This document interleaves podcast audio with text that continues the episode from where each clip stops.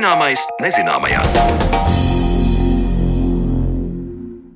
Esiet sveicināti redzējumā, zināmais nezināmajā ar jums. Kopā turpmāko stundu būšu es, Sandra Kropa. Šodien mūsu uzmanības lokā būs nonākuši vulkāni. Šogad pasaule piedzīvojas vairāk grandiozu vulkānu izvirdumus. Lai arī vulkānu uz Zemes izvirst ikdienu, ne visi ir vienlīdz spēcīgi un vienlīdz bīstami cilvēcei. Šodien pievērsīsimies tiem vulkāniem, kas pagaidām snauž, bet var radīt globālus draudus planētai nākotnē. Kur tie atrodas un vai varam prognozēt to izvirdumus, par to jau pavisam drīz runāsim studijā. Bet pirms tam iepazīsim zināmu zināmo un nezināmo par zibeni.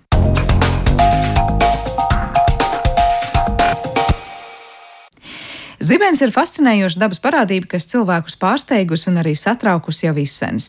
Zibens izlāde rada karstumu lielāku par sauli, un Zeme uzņem ap 6000 izlādes ik minūti. Taču tie ir fakti, kurus mēs zinām par zibeni. Kas ir tas, ko pētnieki vēl nezina par šo parādību? Par to interesējās mana kolēģe Zane Lāce Baltalksne.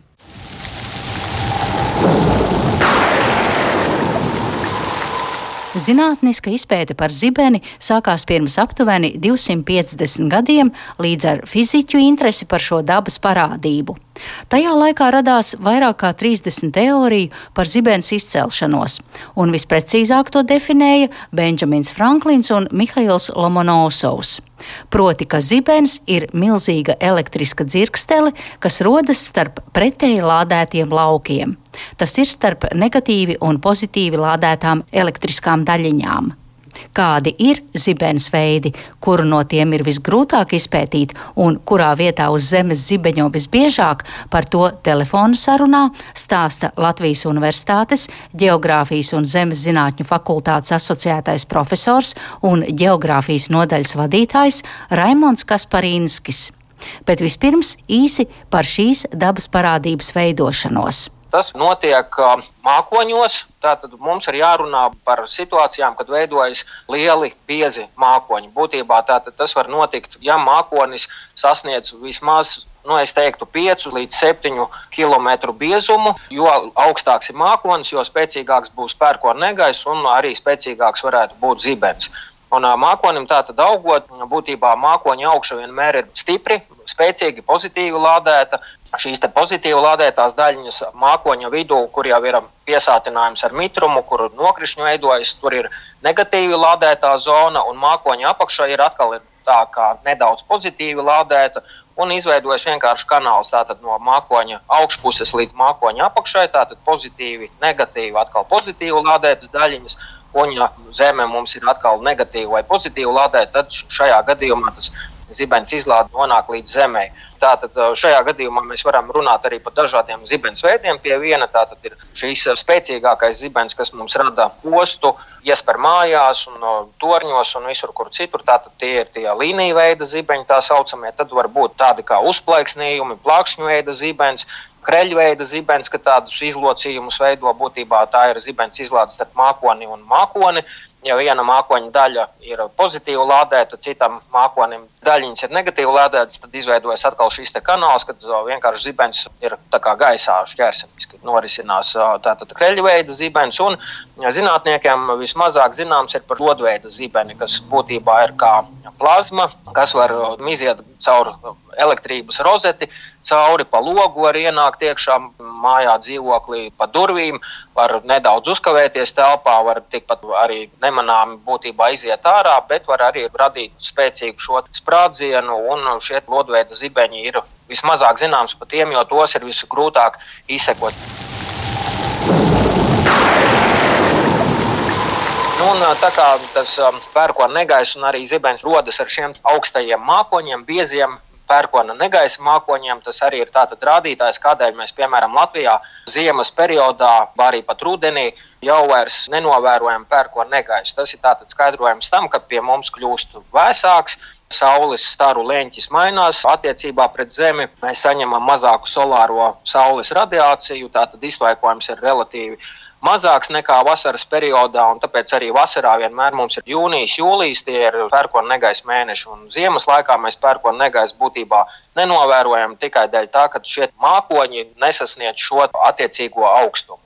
Un uh, mēdz būt situācijas, protams, ka ziemā arī atsevišķos mēnešos pie jūras, piekrastes reģionos ir uh, konstatējams pērkona negaiss, bet tas ir dēļ piekrastes efektiem, Baltijas jūras ietekmi. Un, uh, tas ir skaidrojams ar to, ka pastāv šīs atšķirības starp gaisa masu un uh, ūdens temperatūru jūrā. Tātad, ja izveidojas vismaz 13 grādu kontrasts šai te ūdens temperatūrai un uh, gaisa masu pusotra kilometra augstumā, tad tas ir priekšnosacījums jau tā saucamajiem leika efektiem, jeb līča efektiem un uh, var veidoties lokāls pērkona negaisa. Biežāk mēs dzirdam par zibens radītajiem postījumiem, saspērtiem kokiem, namiem, torņiem, cilvēkiem, taču arī vietumis var atrast interesantus veidojumus, fulgurītus. Tie ir smiltīs veidoti sakausējumi, kas radušies no zibens spēriena. Tādi zaraini, žuburaini, dobi veidojumi, kas atgādina korāļus, un to izmērs var būt sākot no pāris centimetriem līdz pat pāris metriem. Bet turpinājumā Raimons Kasparinskis stāsta par tām zemeslodes teritorijām, kur zibens plosās visbiežāk. Pasaulē šie pērkona negaisa un zibens joslas samazinās mērenajos platumos virzienā uz poliem, un visintensīvākā zibeņošana un pērkona dārdēšana tātad ir novērojama tropiskajos un ekvatoriālajos apgabalos, kur caule visvairāk sasilda šos ekvatoriālos reģionus, notiek strauji iztvaikojums, intensīvi veidojās šie pērkona negaisa mākoņi, un tāpēc arī būtībā šī zona ir tā saucamā mūžīgā pērkona negaisa josla. Un var arī izdalīt atsevišķu tādu vienu zonu, kas ir Javas salā atrodas, un turpat uh, pērkona negaisa novērojama aptuveni gandrīz pat visu gadu, 322 dienas aptuveni gadā. Tad es no jūsu stāstītājas saprotu, ka zibens veidus, kreļveida, lodveida, rūs, to ietekmē mākoņi, un zibens izlādi tas ir arī klimats, bet Vai varat pastāstīt, kā ietekmē zemes reliefs vai objekti, kas atrodas uz zemes virsmas, eh, zibens izlādi, piemēram, kalni vai tūkstneši? Tas saistāms ar mākoņu veidošanos. Tātad mākoņi galvenokārt veidojās virs ūdens teritorijām, tātad virs jūrām, okeāniem, līčiem un virs sauszemes. Tātad mākoņi arī veidojas, bet tas ir saistāms vairāk ar šo iztvaikošanu no tieši kontinentālā zonā. Jo pēc tam jau tālāk, tur, kur ir dziļāk sauszemē mēs ejam, tur jau mākoņi būtībā vairs neveidojās. Tur jau ir sausāks gaiss un vairs nenotiek šī vertikāla attīstība. Būtībā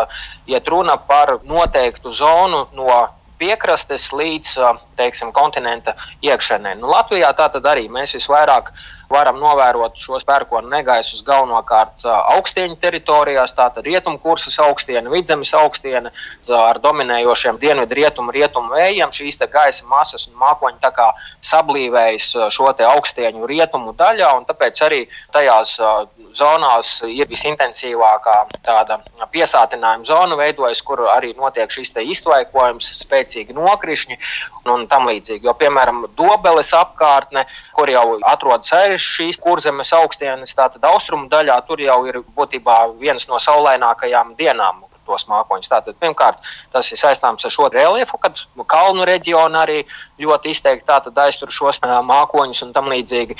Bet nu, pamatā tātad vieni no tādiem spēcīgākajiem pērkonu negaisiem tātad parasti mums ir vidzemes augstienē, arī mēdz būt Latgales daļā, kur arī ar piemēram, šiem relatīvi lielajiem ezeriem varētu būt saistāms arī šī iztvaikojuma, bet pamatā tas ir ar šo kontinentālo aspektu, jo zeme ātrāk sasilst, vairāk notiek šis iztvaikojums, un ja gaiss ir pietiekoši mitrs, piesātināts ar ūdeni, tad arī mākoņi var augt lielāki. Bet tālāk jau faktiski uz Baltkrievijas pusi uz Krievijas rietumu daļu, tur jau šie postījumi ir mazāki, jo mākoņi būtībā jau ir izlādējušies, izlījuši, tas pērkons jau ir bijis un jau vairs nenotiek šī vertikālā mākoņu augšana.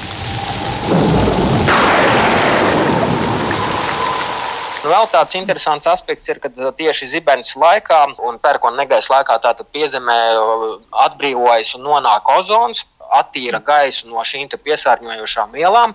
Tā varētu teikt, un arī zibens ir ļoti būtisks slāpekļa oksīda avots. Jo gada laikā, piemēram, var vairāki simti miljonu tonu piemēram, nonākt slāpekļi no atmosfēras, ko tieši zibens laikā notiek šī slāpekļa piesaiste augstnei piezemes slānim. Un tādējādi arī tiek stimulēta auga attīstība.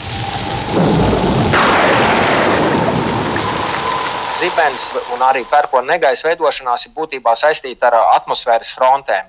Piemēram, ja siltā fronte tuvojās, tas nozīmē, ka mēs atrodamies relatīvi vēsākā gaisa masā un tuvojas silta gaisa masa mums, kas šķērso teritoriju. Tad aiz siltās frontes parasti nāk augstā fronte. Tātad, ja mēs esam siltajā zonā, tad tuvojas augstāka gaisa masa.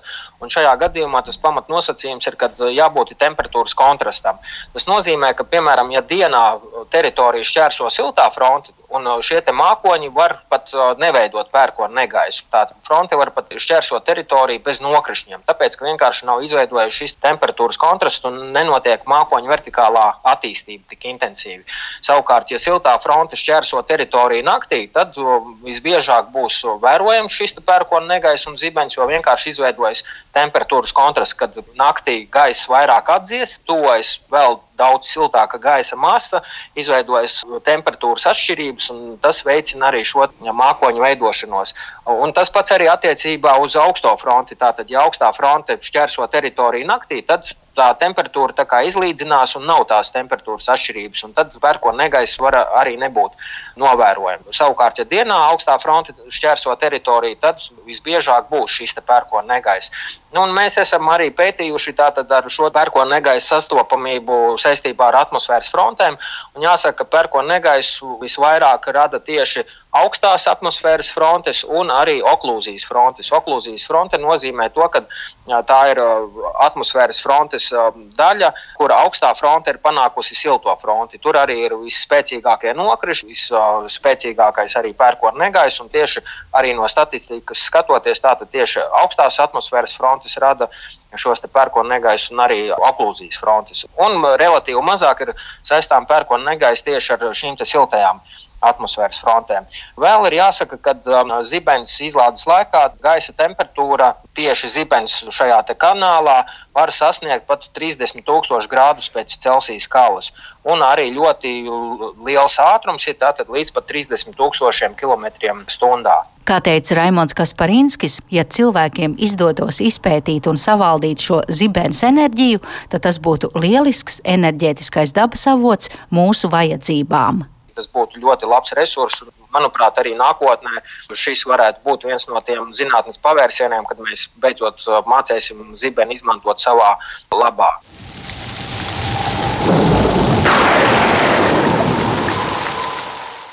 Par zibens veidošanos Zanēlācē Baltāksnē stāstīja Latvijas Universitātes Geogrāfijas un Zemezinātņu fakultātes asociētais profesors Raimons Kasparīnskis.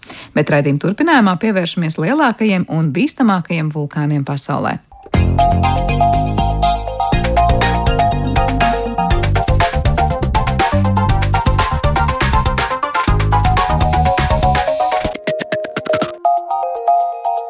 Zināmais nezināmajā.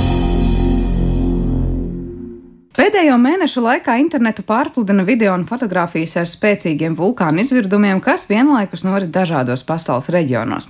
Lai arī Latvija nav vulkānu zeme, liela izvirdumi var izraisīt arī globālas kataklizmas, un tādas nereiz vien ir bijušas zemes vēsturē. Par supervulkāniem šodien ir mūsu raidījums, un tāpēc studijā sveicu Latvijas Universitātes Geogrāfijas un Zemezinātņu fakultātes asociēto profesoru Girta Stinklu. Labdien! Labdien! Prieks būt šeit! Esam runājuši arī šajā studijā ar jums par vulkāniem, man liekas, nu ļoti dažādi dažādos aspektos arī mm -hmm. iepriekš, un šoreiz, protams, tiekāmies tādā nu, nostīta aktualitātes gaismā, bet laikam par supervulkāniem var runāt daudz un visos laikos, ja tie mums tādi ilgdzīvotājs planētas, un par sevi, nu, var teikt, atgādina kaut vai nesot tajā brīdī varbūt aktīvi, nu, kā saka, liek ar rezervustiem paskatīties. Bet varbūt sāksim par to, vai vispār tāds jēdziens supervulkāns ir tāds nu, korekts un pareizs, mm -hmm. un ko mēs tieši ar to saprotam. Mm -hmm. uh, supervulkāns ir uh, nu, daļēji tāds korekts termins, un principā to uzskata ne īsti par zinātnisku terminu. Būtībā uh, tie ir lieli stratovulkāni, uh, tos kādreiz arī sauc par ultraplīnija tipu vulkāniem, kur uh, izvirdums rezultējas ar milzīgas kalderas izveidi, kas nav tā kā vulk vulkāna krāteris, bet nu, vienkārši sakot, viss kalns ir vienkārši nonests nost, izveidojot arī bedri. Uh, uh šos supervulkānus nodala pēc tā sauktā vulkāniskās izmērs izmestā materiāla daudzuma, ja vulkānisko izmešu daudzuma indeksa, un tie atbilst šim indeksam astoņi. Tas nozīmē, ka šie milzeņi ir izmetuši kaut kādā konkrētā izvirdumā eh, zemes virspusē vairāk nekā tūkstoti kubikkilometru materiāla. Es pa ceļam ejot šurp iedomājos, kā to cilvēkiem varētu izstāstīt, cik tas ir daudz, nu, teiksim, nezinu, varbūt visa Rīga kilometra dziļumā, ka būtu nonest vienkārši nost. Tas tiešām ir ļoti, ļoti iespaidīgi. Nu jā, mēs tādā cilvēka nesenā vēsturē vairāk pazīstam vulkānus ar šo veju, to indeksu 6.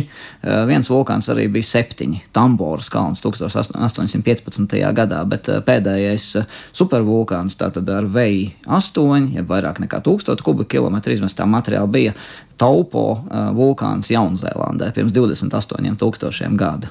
Bet, jā. jā, laikam par supervulkāniem nu, mēs pieturēsimies pie šī vienkāršākā mm -hmm. jēdziena šajā raidījumā. Runājot, mēs runājam par ļoti tālu pagātni, kad vispār viņi ir varbūt nu, izmetuši to savu lielo materiālu daudzumu, bet tie joprojām nav tā, ka nu, snaudoši aizmirst, un mēs nevienā brīdī varam teikt, nevaram gaidīt to pamošanos. Ja? Ar vulkāniem tā situācija ir tāda, ka nevar īsti saprast, kad un kas notiks. Principā tāds jēdziens aprimušais vulkāns var tikt attiecināts tikai uz daļu vulkānu, kur tiešām kuriem nav izvirdumi. Piemēram, Havaju salu vulkāni, kuri novirzījušies no karstā punkta, kas viņus inicijē. Bet ja vēl aizvien tas, kars, tas karstais punkts ir tur apakšā, ir tā sauktā mantijas siltumplūsma augšupējoša, tad tie vulkāni atrodas tādā snaudošā stāvoklī. Bet no šie nesenākie izvirdumi tā tad ir datēji runājam ar 28,000 gadu vēsturi, tad 74 vai 75,000 gadi. Tas ir Pobas kalna vulkāns Indonēzijā, par ko pat varētu sīkāk parunāt. Tas ir kā īsts rekordists bijis. Bet tad tie pārējie ir vai nu simtos tūkstošu gadu mērām, vai arī jau miljonos gadu. Bet, nu, piemēram, Yellowstone pēdējo reizi ir tā pamatīgi izvirdusi pirms 650 tūkstošiem gadu, tad pirms 1,3 miljoniem miljoniem gadu, un tad pirms 2,1 miljoniem gadu sanāk pat tāds kā cikls, kuram teju teju būtu vēlreiz jāfinišē ar izvirdumu. Bet, nu, Tas mm. teju teju mūsu gadījumā ir cik tuvu nākotnē? nu, kādi tūkstoši gadu var būt.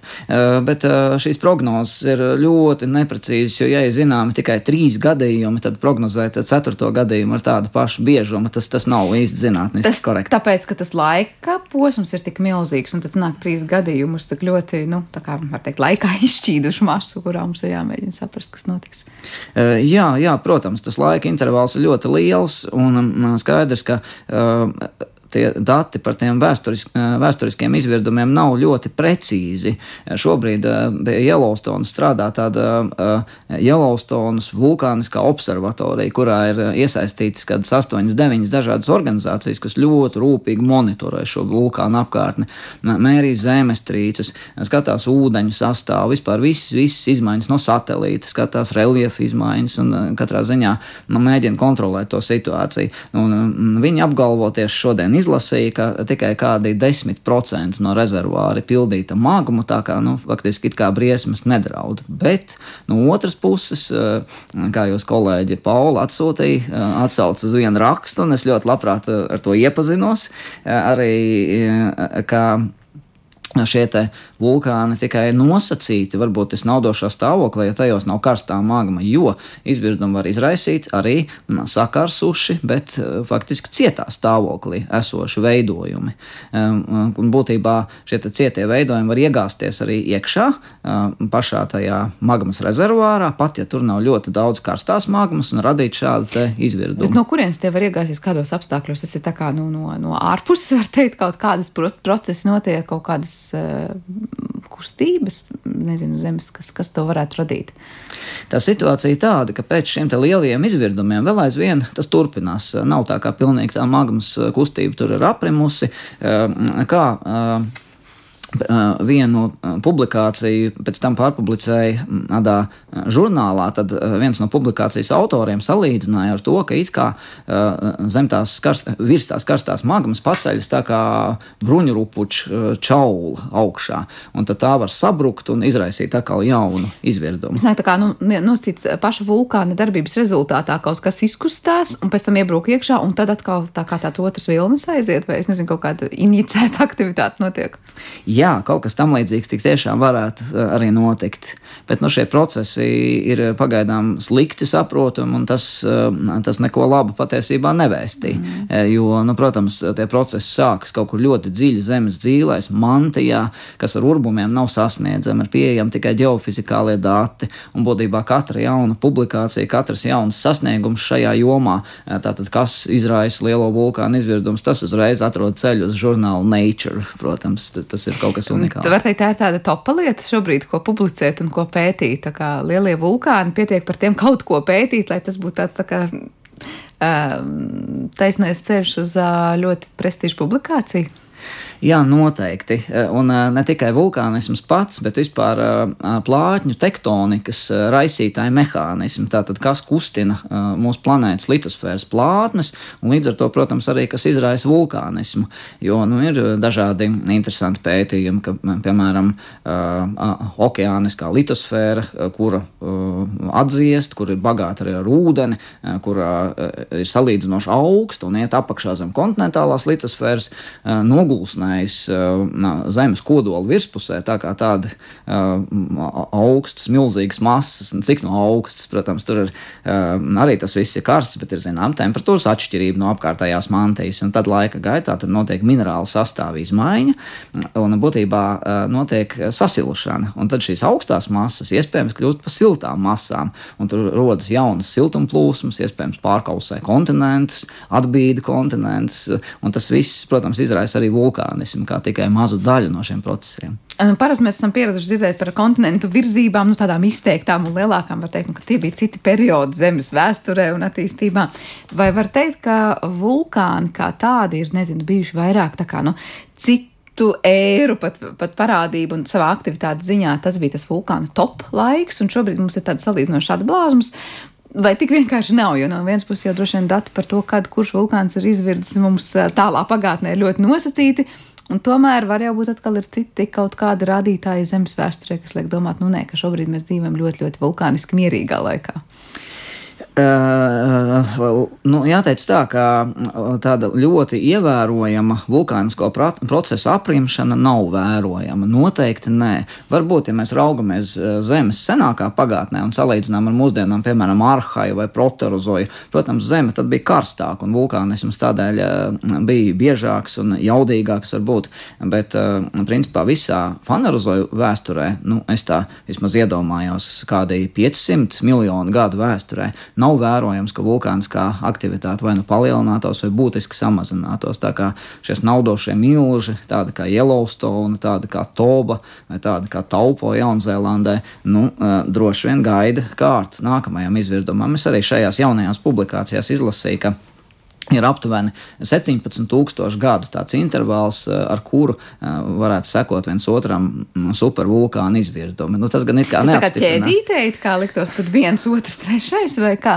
Nu jā, tā, tādā ķēdītē tā gan, ja, ja skatāmies šos te rekordu izvirdumus, tad gluži tāda secība nav, bet nu kaut kas mazāks arī tur notiek būtībā. Bet arī paši to vulkānu izvietojums, ja mēs skatāmies pasaules kartē, nu kur tie vairāk ir? Nu jūs piesaucat nevēl tur Jaunzēlandi un Indonēziju un tagad arī mhm. Yellowstone, kā tos mm -hmm. top piemērs. Kādreiz lasīju, ka tas ir kāds konkrēts, kā, nu, nezinu, vai līnija vai riņķis, kurā mēs varētu skatīties, nu, kāda geometrija ir tam, kur tie atrodas un kāpēc, piemēram, nav mums tāds te kaut kur Lietuvā vai Polijā, ja mūsu tūmā. Tagadējie supervulkāni ļoti labi parāda arī eh, teorētiskos eh, spriedumus, eh, kur, kur tiem vajadzētu būt un kur tie ir bijuši arī geoloģiskajā vēsturē. Jo Yellowstone faktiski atrodas stabilā kontinentā virs ilgstošas siltuma plūsmas būtībā, kā novērtēja kontinentu teritorijā. Savukārt Taupo, kā arī Tobas kalns Indonēzijā, ir ļoti izteiktā tektoniski aktīvā zonā, kur notiek subdukcija. Tātad uh, okeāniskās plātnes virzās apakšā zem salu lokiem un zem kontinentālajām plātnēm. Protams, tur, tur tas ir, ka ir tādi spriegumi zemes dzīvēs augstā Bet mitrā okeāniskā garoza pazemina iežu kušanas punktu, līdz ar to magmatisms var sākties ātrāk nekā, ja relatīvi sausi ieži saskarās savā starpā, un tad tur arī tie procesi ir ilgstoši. Bet jā, faktiski runa ir par nav kā sauc termālu plams, jeb termāls superplams, tā tad varētu teikt mantijas siltumplūsmas vai tādas superplūsmas, kuras tiešām ir ilglaicīgas. Un um, būtībā mēs pat varam runāt ne tikai par šiem vulkāniem, bet par tādiem jēdzieniem kā lielās magmatiskās provinces, angļu valodā saīsināti sauc LIP, Large Eigenels Provinces, un tādas um, ir rezultējušās ne tikai vulkāniem, bet ar milzīgiem magmatiskajiem masīviem, piemēram, Bušvelda, kas ir tikpat liela kā Latvijas teritorija, jeb Pērma perioda Sibīrijas trapu bazālti, kas aizņem um, 7 miljonus kvadrātkilometru teritorijas, un uh, iespējams, ka to kopējais apjoms savulaik ir bijis 4 miljoni kubikkilometru. Tā kā tas ir kaut kas vēl lielāks par. Bet tādu. šīs te um, provinces, kā jūs teicāt, tās patiesībā ir daudz plašākā reģionā pasaulē, un tās varbūt daudz vairāk zem mūsu kājām, nekā mēs esam ieraduši domāt, tā var teikt. Noteikti, jā. Arī okeāniskajā litosfērā tādas ir saglabājušās um, dekānas plato Indijā, jā, šie te jau pieminētie Sibīrijas trapu bazalti, bušvelda. Mm, Dienvidāfrikā un, un daudz kur citur. Faktiski tādu ir ap 20 šobrīd zināmas, bet iespējams ir bijušas arī vēl vairāk. Un, nu, protams, ka saistībā ar šīm lielajām provincēm ir arī vulkāni, ir ilgstoši vulkānismu notikumi. Un, piemēram, šis Sibīrijas trapu bazaltu plato, iespējams tā veidošanās pērma periodā ir izraisījusi organismu izmiršanu globāli. Viena no spēcīgākajām organismu izmiršanām vispār Zemes vēsturē.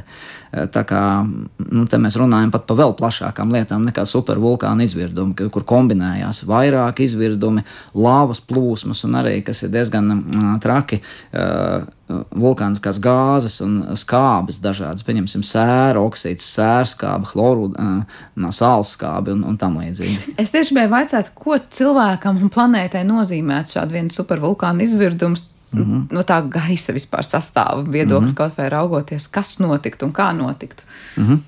Eh, šajā gadījumā iespējams ir vērts palūkoties nesenākā pagātnē, kādas kādi ir nodarījuši mazāki vulkāni, bet eh, arī pietiekami nešpatni. Piemēram, Laki vulkāns Islandē 1784. Eh, gadā, Krakatau, Indonēzijā 1883. gads, Pinotūbo 1991. gads un nesenais Eija Fjalla Jegidls 2010. gadā.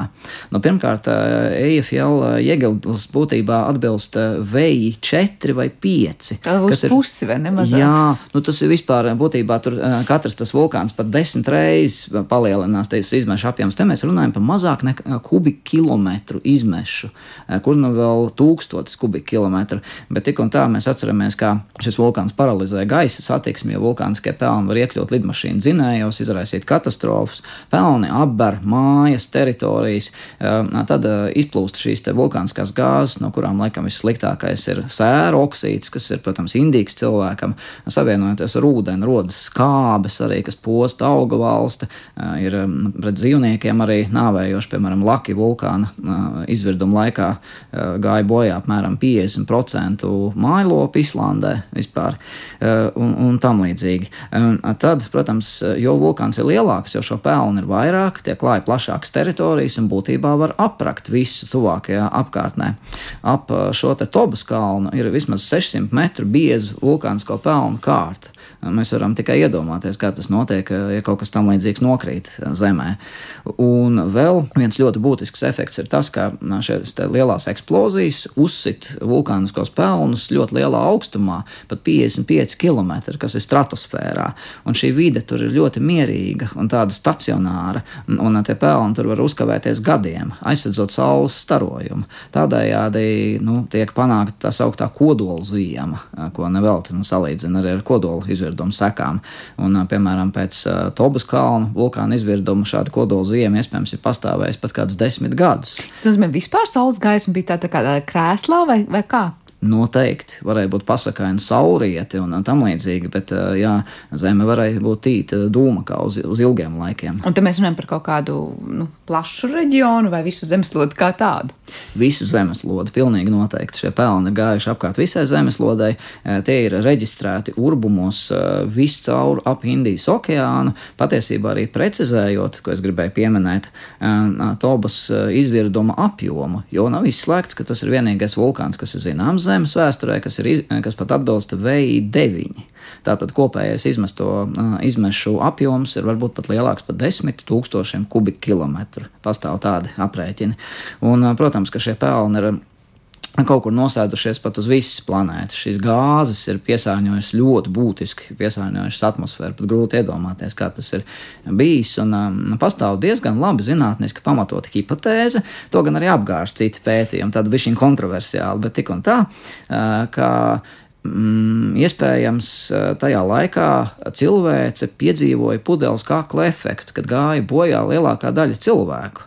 Un, pēc DNS tas ir secināts, ka tātad nākamās paudzes kaut kādā ziņā ir tikai atsevišķs nu, tur ģimeņu turpinājums. Atgādām, kurā laikā notika šis izvirdums? Pirms 75 līdz 74 tūkstošiem gadu, kas geologam ir ļoti nesen. Jā, tas ir Tobas vulkāns Indonēzijā. Jā. Tas tāds Jā. īpašs eh, rekordists, tad arī var teikt, ārpus visiem rāmjiem mums zināmajiem izgājis. Jā, tad arī savā klasifikācijā ļoti, ļoti spēcīgs. Bet vai šobrīd mm. ir kāds no šiem vulkāniem? Kas mhm. varētu arī būt šis deviņu kategorijā, mm. vai vismaz nu, būt kaut kas līdzīgs, kas varētu sasniegt kaut tādu. Es noteikti neesmu šīs jomas speciālists. Vispār neesmu vulkanologs, kas, starp citu, ir labi. Latvijā nav neviena graduēta vulkanologa.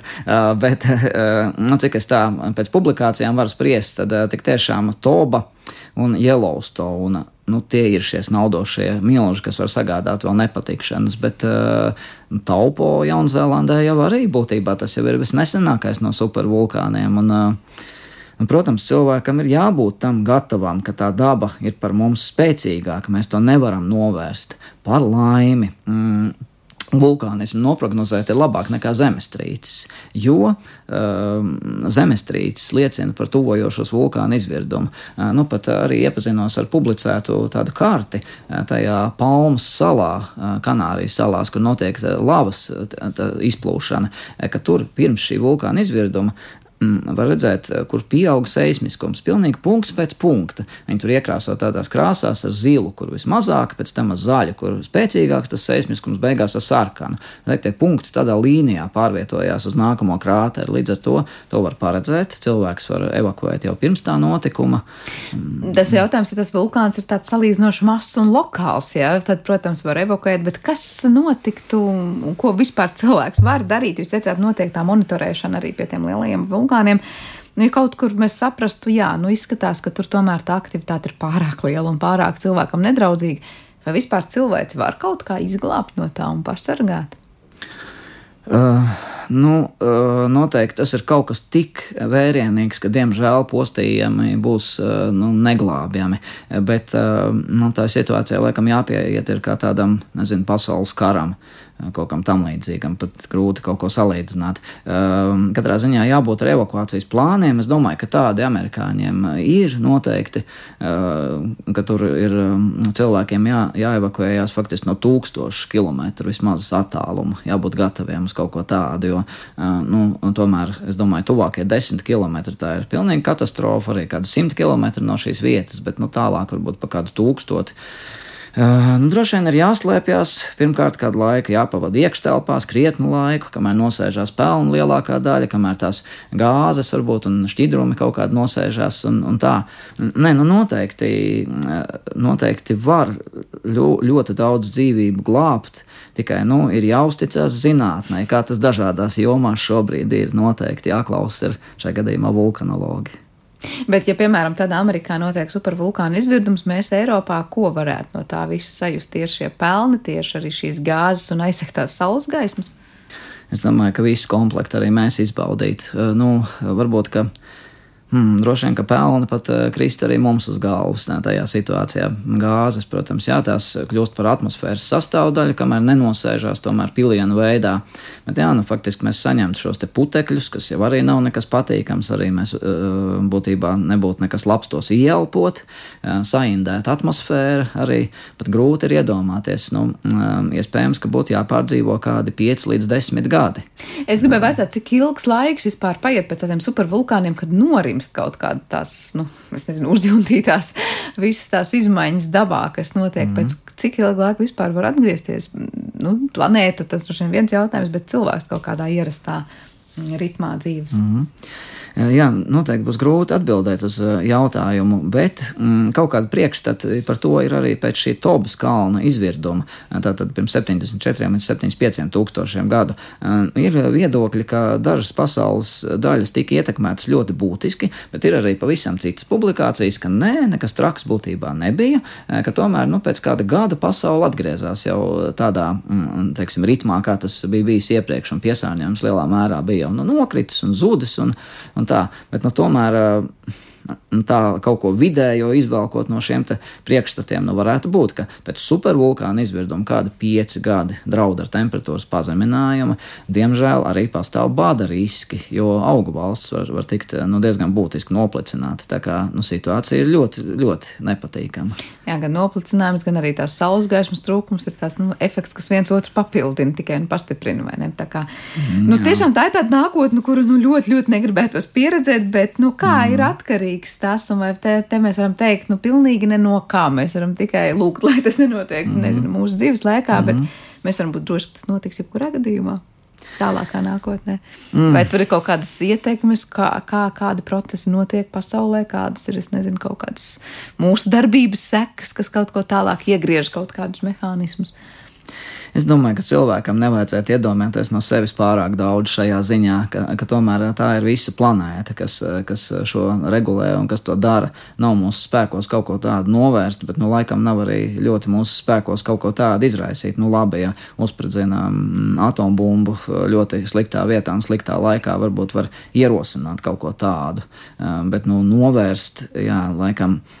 Nu, šobrīd nav variantu cilvēkam. Nu, vienīgais ir tam gatavoties, un es domāju, ka šīs prognozes varētu kļūt aizvien precīzākas, arī, protams, ka notiek pētījumi, kādas tad būtu šīs sekas. Tiešām, es domāju, ka gan jau, piemēram, ASV, arī Jaunzēlandē, varbūt Indonēzijā pastāv kaut kādi plāni, tomēr kā, kā cilvēkiem rīkoties un kā varbūt paslēpties kādu laiku.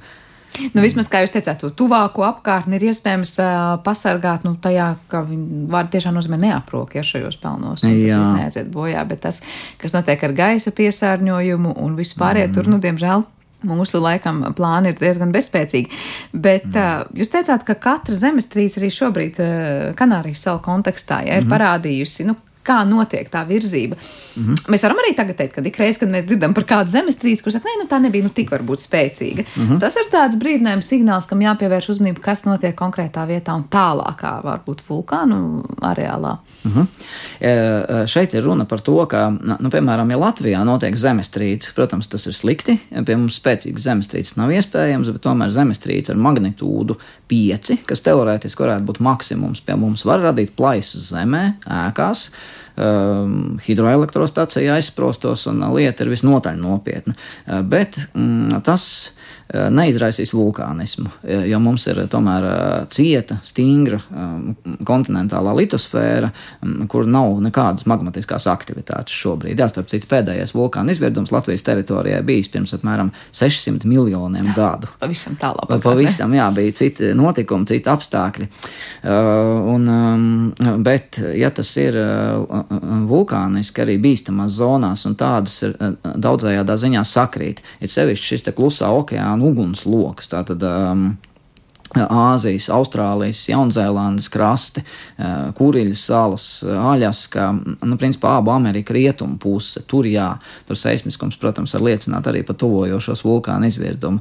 Bet nu, tur arī pastāv, protams, stingri zinātniskie kriteriji, kā to atšķirt, kā, kā, kam seko tieši līdzi. Un, Nu jā, pa, pa laimi arī šajā te Pinatubo gadījumā tieši šī seismiskā aktivitāte bija viens no iemesliem, kas 1991. gadā ļāva vulkanologiem brīdināt vietējās varas iestādes, nu, ka cilvēkiem ir nu, jāmūk būtībā no turienes. Ja mēs salīdzinām, kā šobrīd strādā vulkanologi, varbūt, un ko pēta un kādus mm. jautājumus mēģina risināt arī šajās publikācijās, vai ir vērojams kaut kādas atšķirības tajā, kāda ir tie galvenie jautājumi, kuriem meklēja atbildes varbūt pirms 50 un 100 gadiem vulkanologi?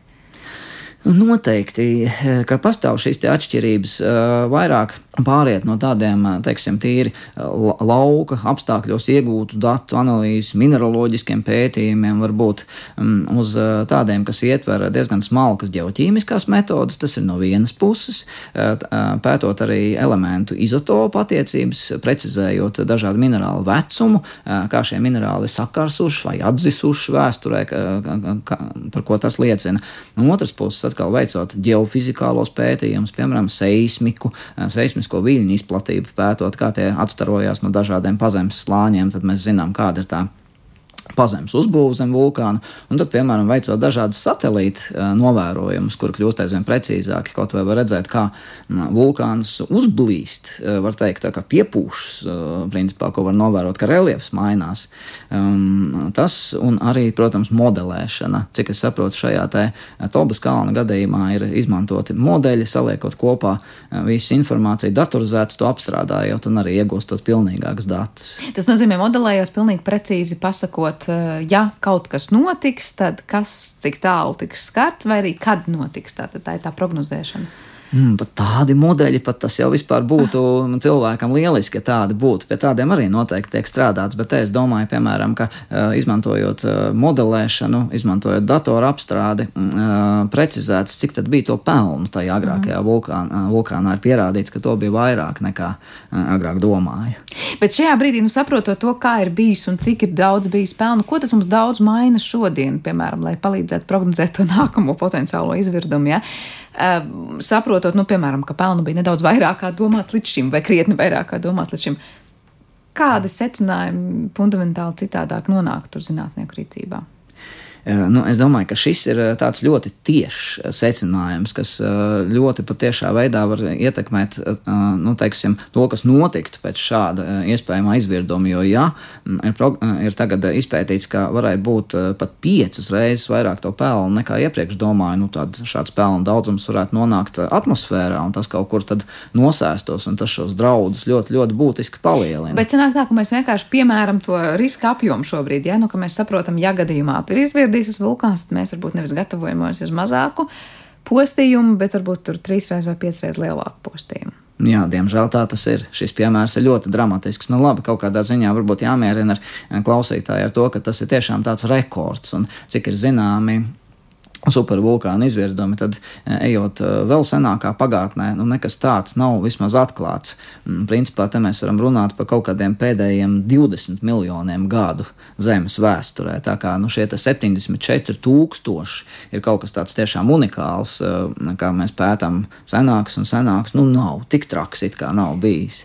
Mm, jā, jā bet nu, Zeme, protams, varētu pārsteigt arī cilvēku. Mēs ļoti ceram, ka tas notiks nu, vis, visvienkāršāk mīļākajā, mierīgākajā un mums, laikam, visiem draudzīgākajā veidā, bet nomierinot cilvēkus, runājot par šiem supervulkāniem, es saprotu, ka nu, tuvākajā laikā mēs tomēr plus mīnus varam būt mierīgi, vai atkal teiksiet, nē, nekad neko nevar zināt, un supervulkāns ir kaut kas tik ļoti neprognozējams. Nu, teiksim tā, mm, to, ka tuvāko kaut kā desmit gadu laikā nav gaidāmi, uh, supervulkāna izvirdumu, to tā nevar droši pateikt. To, ka varbūt tuvāko mēnešu laikā nekas tāds nenotiks, nu, es domāju, ka tur nu gan ir pietiekami augsta ticamība, jo nav tāda novērojuma. Mm, tādā ziņā tad mēs varam būt pasargāti. Nu, Katrā ziņā, kā vienmēr šādās situācijās, es gribu teikt, ka eh, mēs dzīvojam ļoti labā vietā uz pasaules, kur eh, nav ne stipra zemestrīča, ne, nu, principā, absolūti nekādu vietējo eh, vulkānu izvirdumu draudu.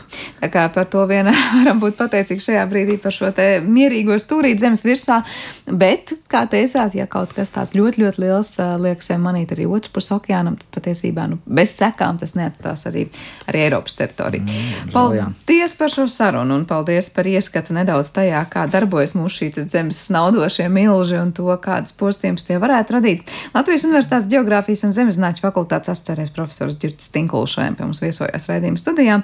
Ar to arī tas ir izskanējis. Teikšu paldies visiem par klausīšanos un uz tikšanos!